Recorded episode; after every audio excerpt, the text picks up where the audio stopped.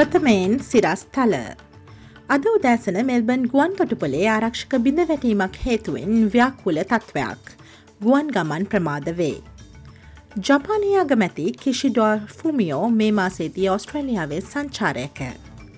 රුසියාව සහ ශ්‍රී ලංකාව අතරත් හිටුවා තිබූ ගුවන් ගමන් යළි සක්‍රිය වේ. යුක්්‍රේණයට රුසියානු දිගුදුර මිසල් ප්‍රහාර රැල්ලක් පුද්ගලයින් කිහිප දෙනෙක් ජීවිතක්ෂයට. ඔස්ට්‍රලයානු කාන්තා ක්‍රිකට් බික් බෑෂ් ලීග් ලබන බ්‍රහස්පතින්දා ඇරබේ.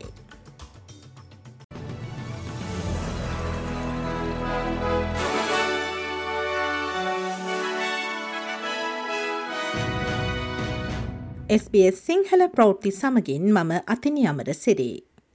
අද උදෑසන මෙල්බන් ගුවන් තොටුපොලේ සිදු වූ ආරක්ෂක බිඳ වැඳීමක් හේතුවෙන් ව්‍යාකුල තත්ත්වයක් ඇති වූ අතර ගුවන් ගමන් ප්‍රමාදවී මගින් සිය ගණනක් නැවත පරීක්ෂා කිරීමට සිදුව තිබේ.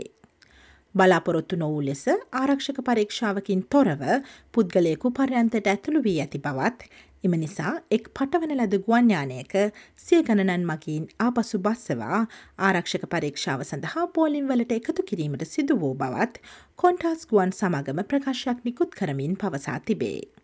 මෙම සිදුවීමේ බලපෑම නිසා රටපුරා උදෑසන ගුවන් ගමන් ප්‍රමාදවනු ඇතැයි අනතුරුවඟවා තිබේ. වායුදූෂණය අවම කිරීම සඳහා ඔස්ට්‍රලියාවේ විශාලතම කාර්මික හරිතාගාර වායු විමෝචක සමාගම්වලට ත්‍යාග මුදල් පිරිනැමීමේ යෝජනාවක් මධ්‍යම රජය විසින් නිකුත් කර තිබේ. අවශ්‍ය මට්ටමට හෝ ඉන් ඔබ්බට හරිතාගාරවායු විමෝචනය අවම කිරීමට කටයුතු කරන කර්මාන්ත ශාලා සඳහා අමතර ප්‍රතිපාදන ලබාදීමට කටයුතු කරන බව බලශක්තිය අමාත්‍ය ක්‍රිස් බෝවන් විසින් බලශක්ති හා දේශගුණ සමුළුවේදී පවසා තිබේ. දෙදහස් පණහ වන විට ඔස්ට්‍රලියාවේ ශුද්ධ කාබන් විමෝචනය ශුන්‍ය කර ගැනීමේ අරමුණු සාක්ෂාත් කර ගැනීම සඳහා කර්මාන්ත ශාලාවලට අවශ්‍ය වෙනස්කම් සිදු කිරීමට මෙය මූල්‍යමය දිරිගැන්වීමක් වනු ඇති බව ඔහු වැඩිදුරටත් පවසයි. පොදු ස්ථානවල ආබාධිත පුද්ගලයින්ට එරෙහි ප්‍රචණ්ඩත්වය පිළිබඳව මහජන සාක්ෂි විමසීම ඩිසබිලිටි රෝයල් කොමිෂන් සභාව විසින් ඊයේ දිනේදී යළි ආරම්භ කර තිබේ. පහරදීමේ තර්ජන සහ අපයෝජනයන් තමා විසින් නිතරත් විඳ ඇති බවට ආචාර්ය ඩෙබ්‍රා කීනාහන් මෙහිදී සාක්ෂිදී තිබේ. කුරු බව ඇති කලාකාරණයක් මෙන්ම අධ්‍යාපනඥවරයක් වන ඇය ශාරීරික හිංසන මෙන්ම වාචික ලිංගක හිංසනවලටද ලක් වූ බවත් අන්තර්ජාලය හරහා හෝ රිය පදවන අතරතුර කුරුමිට්ටාලෙ සාමතනු ලබමින් නිරන්තරයෙන් තමන් අපයෝජනයට ලක්වන බවත් ඇය පැවසවාය. පොදු ස්ථානවල ගැවසීමට උත්සාහ කරන විට ආබාධිත පුද්ගලයින් පොදුවේ නිරන්තරයෙන් මෙවැනි ආක්‍රමණවලට ගොදුරුවන බව නීතිවේදී හෝ පවසති. ආබාධිත පුද්ගලයින් සමාන ලෙස හෝ ගෞරව ලැබීමට සුදුසු අය ලෙස නොසැලකීම හේතුවෙන් මෙවැනි සිදුවීම් සිදුවන්නේ යයි තමා විශ්වාස කරන බව ආචාර කීනහන් අධිකරණ පරීක්ෂණයේදී පවසා තිබේ.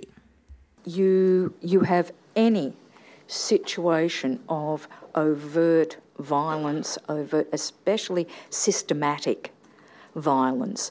There, at, within all of them, there is that element of dehumanisation. තමන් දෙවන සයිප ප්‍රහාරයකට මුහුණ දී ඇති බව ඔප්ටස්හි මව් සමාගම වන සිංගප්පුරු ටෙලිකොමියනිකේෂන් ලිමිටඩ් හෙවත් සිංටෙල් සමාගම පවසයි. එහි ඔස්ට්‍රලයානු අංශය වන ඩයිලොග් ප්‍රයිවට් ලිමිටඩ්හි පරිගණක පද්ධතිය වෙත අනවසරයෙන් ඇතුළු වී ඇති නමුත් මෙම දත්ත සොරා ගැනීමේ සිද්ධිය බලපෑම සේවාදායකින් විස්සකටත් අඩු සංඛ්‍යාවකට සහ සේවකයින් දාහකටත් අඩු සංඛ්‍යාවකට පමණක් සිදුවී ඇති බව එම සමාගම පෙන්වා දෙයි. තොරතුරු තාක්ෂණ උපදේශන සමාගමේ අනවසර ප්‍රවේශයට ලක් වූ සේවා පද්ධතීන් හඳුනාගෙන වහා මේවා වසා දමා දින දෙකක් ඇතුළත සිය සාමාන්‍ය මෙහෙයුම් යථා තත්ත්වයට පත් කළ බව සිංටෙල් සමාගම පවසයි.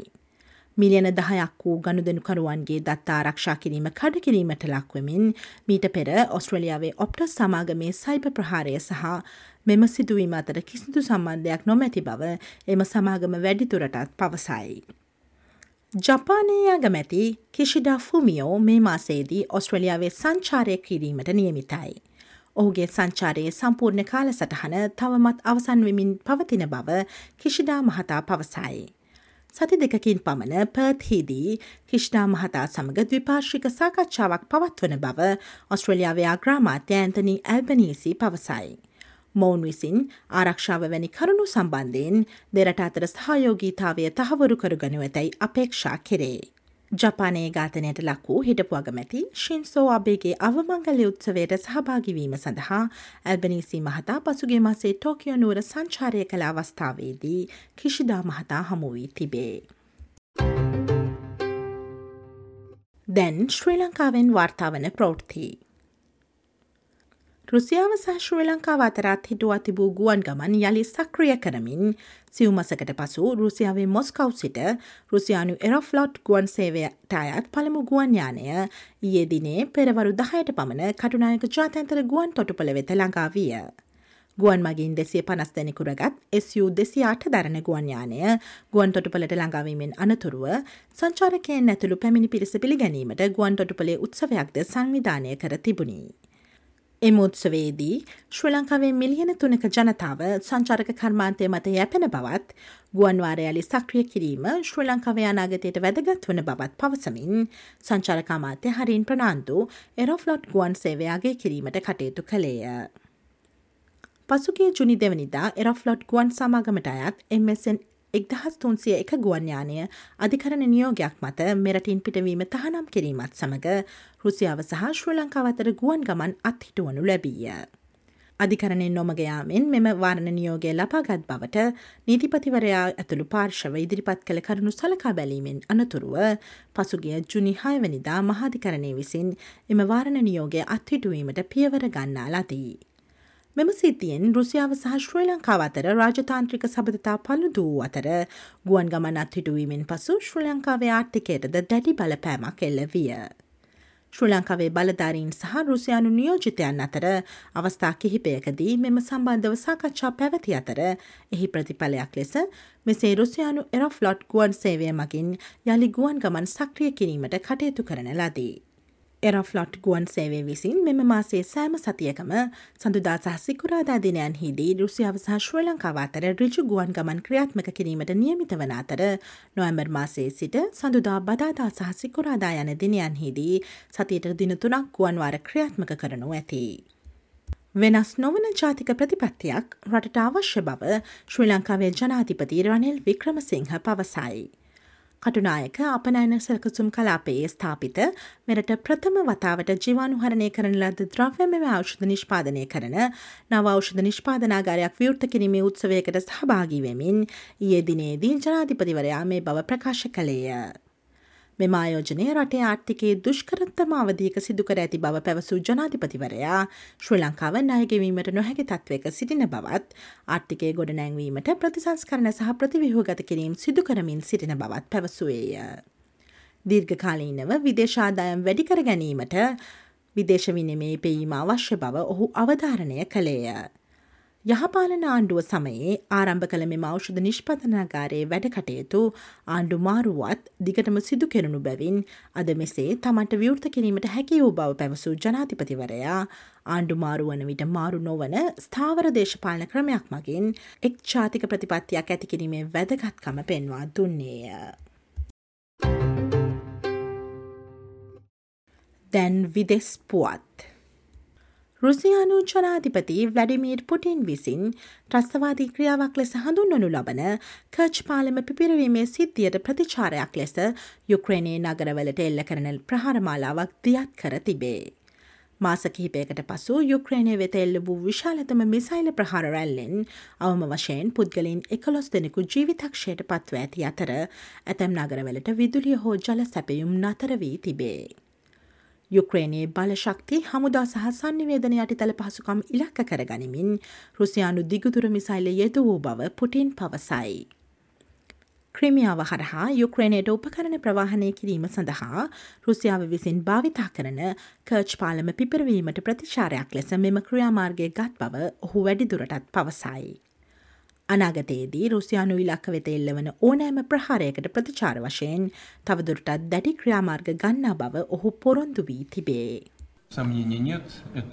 There is no doubt this is an act of terrorism aimed at destroying Russia's critical civilian infrastructure.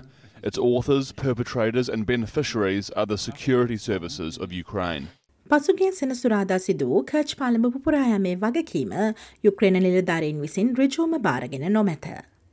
යුක්‍රේණය පෘතිවිතලයෙන් අතුගා දැමීමට රුසියාව උත්සාහ කරමින් සිටින බවට යුක්‍රේණ ජනාධිපති වොලඩිමර් සෙලන්ස්කී චෝදනා කරයි.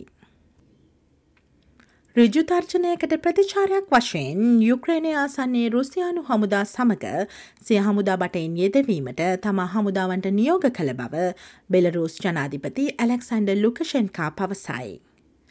ක්‍රමියාව හා රුසියාවයා කරන කර්ච් පාලම පිපිරවීම වැනි අනාගත ප්‍රහාරයක් යුක්‍රේණය විසින් සැලසුම් කළ බවට නිල නොවන ආරංචි මාර්ග හරහා තමාට අනතුරුවඟවීමක් ලැබුණු බව ඔහු පවසයි. ඔහු ඒ පිළිබඳ වැඩිදුර තොරතුරු ලබා දුන්නේ නැත. ලිතුවනියාව පෝලන්තය සහ යුක්්‍රේණය විසින් රඩිකල්වාදී අදහස් දරන බෙලරෝස් ජනතාව ත්‍රස්තවාදී ප්‍රහාර සඳහා පුහුණු කළ බවටද ඔහු චෝදනා කළේය. මේ සම්බන්ධයෙන් සිය හමුදා බලගැන්වීම දින දෙකකට පෙර සිට පටන්ගත් බව ලුකෂෙන්කා මහතා පවසා සිටී. Доведите президенту Украины и другим Tell the president of Ukraine and the other lunatics that the Crimean Bridge will seem to them like a walk in the park if they ever touch a single square metre of our territory with their dirty hands. метру нашей территории. මෙරරෝ සමුදාවේ බටයන් හැට දහසක් පමණ වේ. මේ වසර මුලදී දහස් ගණන් හමුදා බටයන් දේශසීමා ප්‍රදේශවල ආරක්ෂාවට යොදවා ඇත. දැන් ක්‍රීඩා පුවතක්. එළඹෙන ඔස්ට්‍රලයානු කාන්තා දේශය විස්සයි විස්ස ක්‍රිකට් තරගාවලිය ජාතන්තර විස්සයි විස් තරගාවලිය සඳහා දස්කම් දක්වන ක්‍රඩිකාවන් තෝරා ගැනීමට ආරම්භයක් වන ඇති බව සිඩනි සික්සස් ක්‍රිකට් කණ්ඩායම් නායකා එලිස් පෙරී පවසයි. පසුගේ වසරේ බලපෑ කොවිඩ් සීම කිරීම්වලින් තොරව කාන්තා බික් බෑෂ් තරගාවලිය බ්‍රිස්පේන් හිත් සහ කවීන්ස්ලන්තේ සිඩනි සික්ස කණ්ඩායම් අතර තරගයකින් එළඹෙන ඔක්තොම්බර් දහතුන්වනි බ්‍රහස්පතින්දා ආරම්භවීමට නියමිතයි. වත්මන් ඔස්ට්‍රලයානු ක්‍රිකට් කණ්ඩායම් නායකා මෙග්ලනින් ක්‍රඩාවෙන් දිනනියමකින් තොරව විවේකයක් ලබාගෙන ඇති බැවින් මෙහිදී ඔස්ට්‍රලයානු ක්‍රිකට් කණ්ඩායමේ නායකාව ලෙස කටයුතු කරන්නේ කවරුන් දෙයන්න පිළිබඳවද අවධානය යොමුණු ඇති. බික් බෑශ් ලීග හිදී ක්‍රඩිකාවන්ට සිය දස්කම් පෙන්වීමට ඕනෑ තරම් අවස්ථාව ලැබෙන බව පෙරේ පවසයි. I think, you know, um, traditionally speaking, the WBBL is a great launching pad for, for all players. Um, you know, we've unearthed some incredible talent through this competition. Without a doubt, I think this tournament, especially um, with a few changes in the Australian makeup, um, there's a really great chance for, for everyone to, I guess, um, play really well and, and do their best to be a part of what is a really competitive Australian side.